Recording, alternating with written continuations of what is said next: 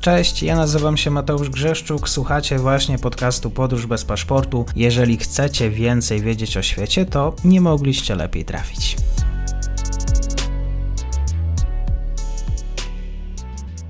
Dzień dobry wszystkim słuchaczom. Dzisiaj komentarz z Ameryki Łacińskiej. Ze mną jest dr Janna Gocłowska-Bolek. Dzień dobry pani doktor, bardzo mi miło. Dzień dobry. Przez ostatnie miesiące też pojawiło się kilka materiałów na temat tego, że Chile chce nowej konstytucji. Rozmawialiśmy tutaj z ekspertami na temat tego, co w tej konstytucji może się znaleźć. Finalnie Chile zagłosowało przeciw. E, czy pani doktor jest zaskoczona? Nie jestem zaskoczona, bo sondaże wskazywały już od e, wielu tygodni, a nawet e, od kilku miesięcy, że tak może się zdarzyć. I pomimo intensywnej kampanii, takiej, która miała zachęcać do, do tego, aby głosować za, tę kampa- w tę kampanię również włączył się sam prezydent Gabriel Boric. No nie udało się tego tekstu przyjąć. Faktycznie w głosowaniu w niedzielę E, Chilijczycy poszli bardzo tłumnie do urn. To jest pewne, pewne nowum, dlatego że pomimo obowiązkowego głosowania, no to oczekiwano, że może 60% sięgnie ta frekwencja, natomiast na pewno było więcej. Jeszcze nie znamy oficjalnie e, tej, tej liczby, ale na pewno te kolejki były po prostu imponujące. Także Chilijczykom zależy zależy na tym, dlaczego nie przyjęto tego tekstu. Były poważne wątpliwości co do tego, czy to jest rzeczywiście no, ten wymarzony tekst konstytucji, która ma zastąpić ten stary, kojarzony e, z erą Pinocheta, a więc z jeszcze z czasami dyktatury, który, który wcześniej jakby sankcjonował no, przewagę, już, już nie wchodząc w jakieś polityczne tutaj e, e, konotacje, tak, ale przewagę przede wszystkim no, prywatnego nad publicznym, prawda, no i, i, i dającą jakby sankcjonującą coraz to większą, większe nierówności społeczne w Chile, bo to o to poszło prawda? Więc jakby od dwóch lat wiemy, że Chilijczycy tej starej konstytucji już nie chcą.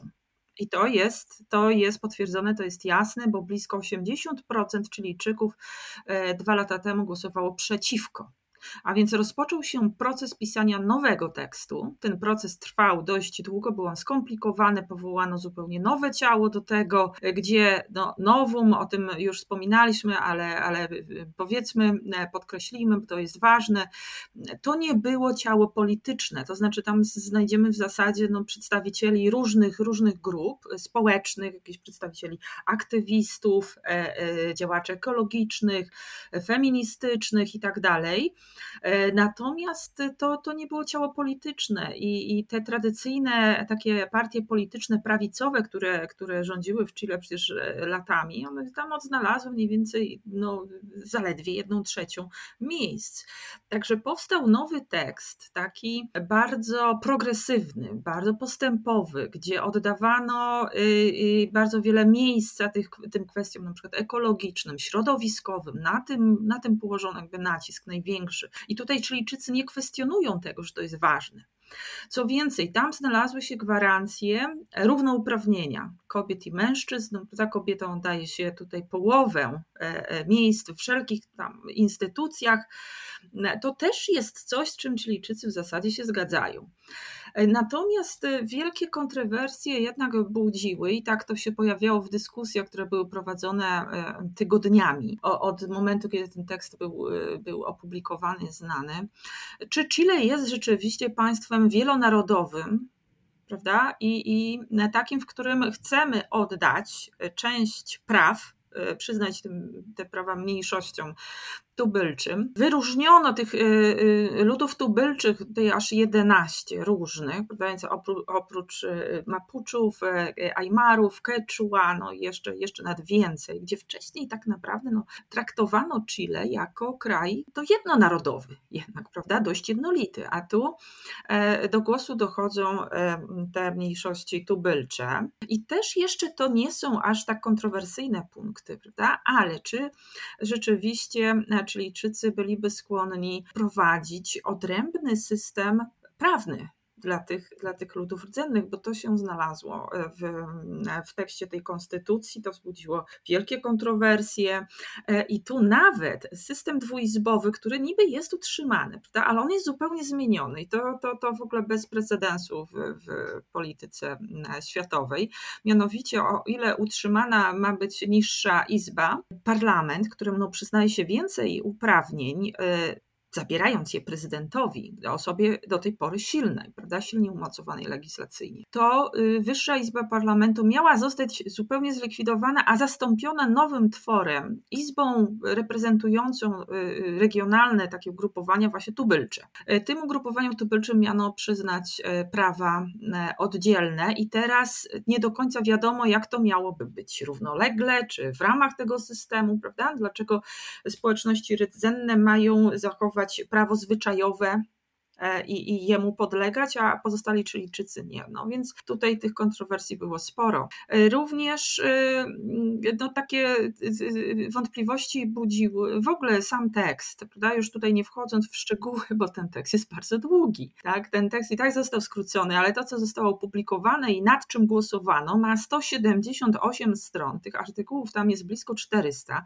W zasadzie tekst zagmatwany, niespójny, sam sobie przeczy w różnych punktach punktach. Także zanim dojdziemy tam do punktu 30, to już znajdujemy coś, co, co nam nie pasuje z, z pierwszymi. Zatem mm, dla przeciętnego Chilijczyka to jest tekst nie do przeczytania, nie do zrozumienia. A więc pojawiły się różne interpretacje, no i tu środowiska też e, tych prawicowych partii, które poczuły się odsunięte i zupełnie jakby niezaangażowane w pisanie tej konstytucji, bardzo silnie optowały, aby ten tekst odrzucić, wskazując właśnie na te niedostatki, na niespójności, no ale też na to, że chyba rzeczywiście takiego państwa Chilijczycy jednak nie chcą, prawda? które jest radykalnie skręcone w lewo. I to jest też no, taki zarzut, który pojawiał się w tej kampanii e, antykonstytucyjnej bardzo często, że konstytucja miałaby przecież odzwierciedlać silnie e, wolę wszystkich Chilijczyków. No to dlaczego ci prawicowi tak nie zostali dopuszczeni do pisania? Ostatecznie Chilijczycy odrzucili tekst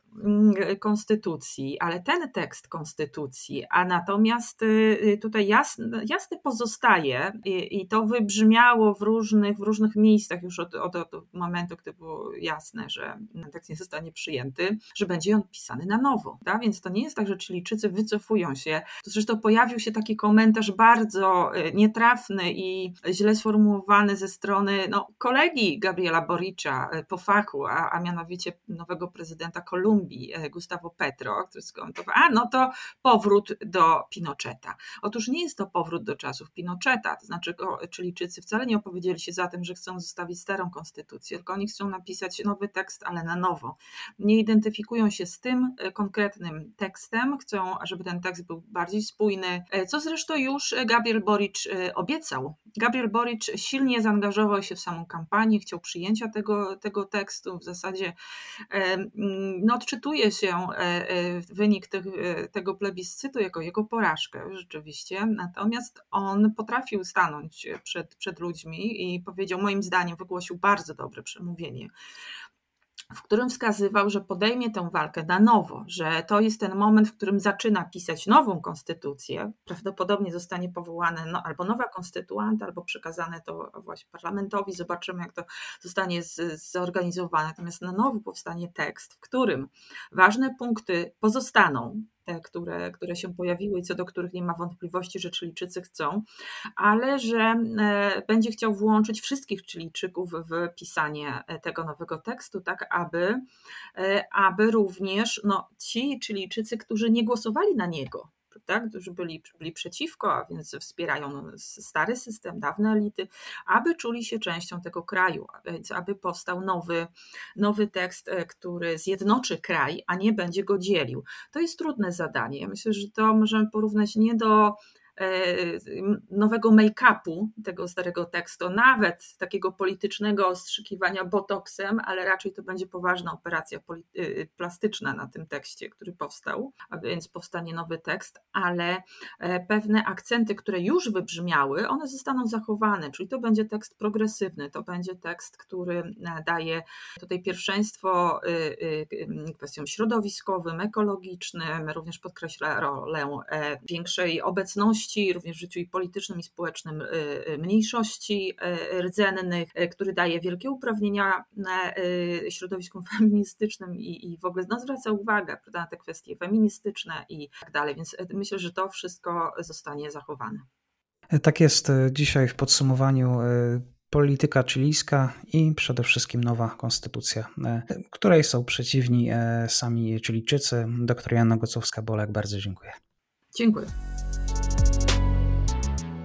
I to już koniec na dzisiaj. Zapraszam na profil podcastu Podróż bez paszportu na Facebooku, Instagramie i Twitterze. Zachęcam też do wsparcia mojej pracy na serwisie Patronite oraz Buy Coffee. Do usłyszenia.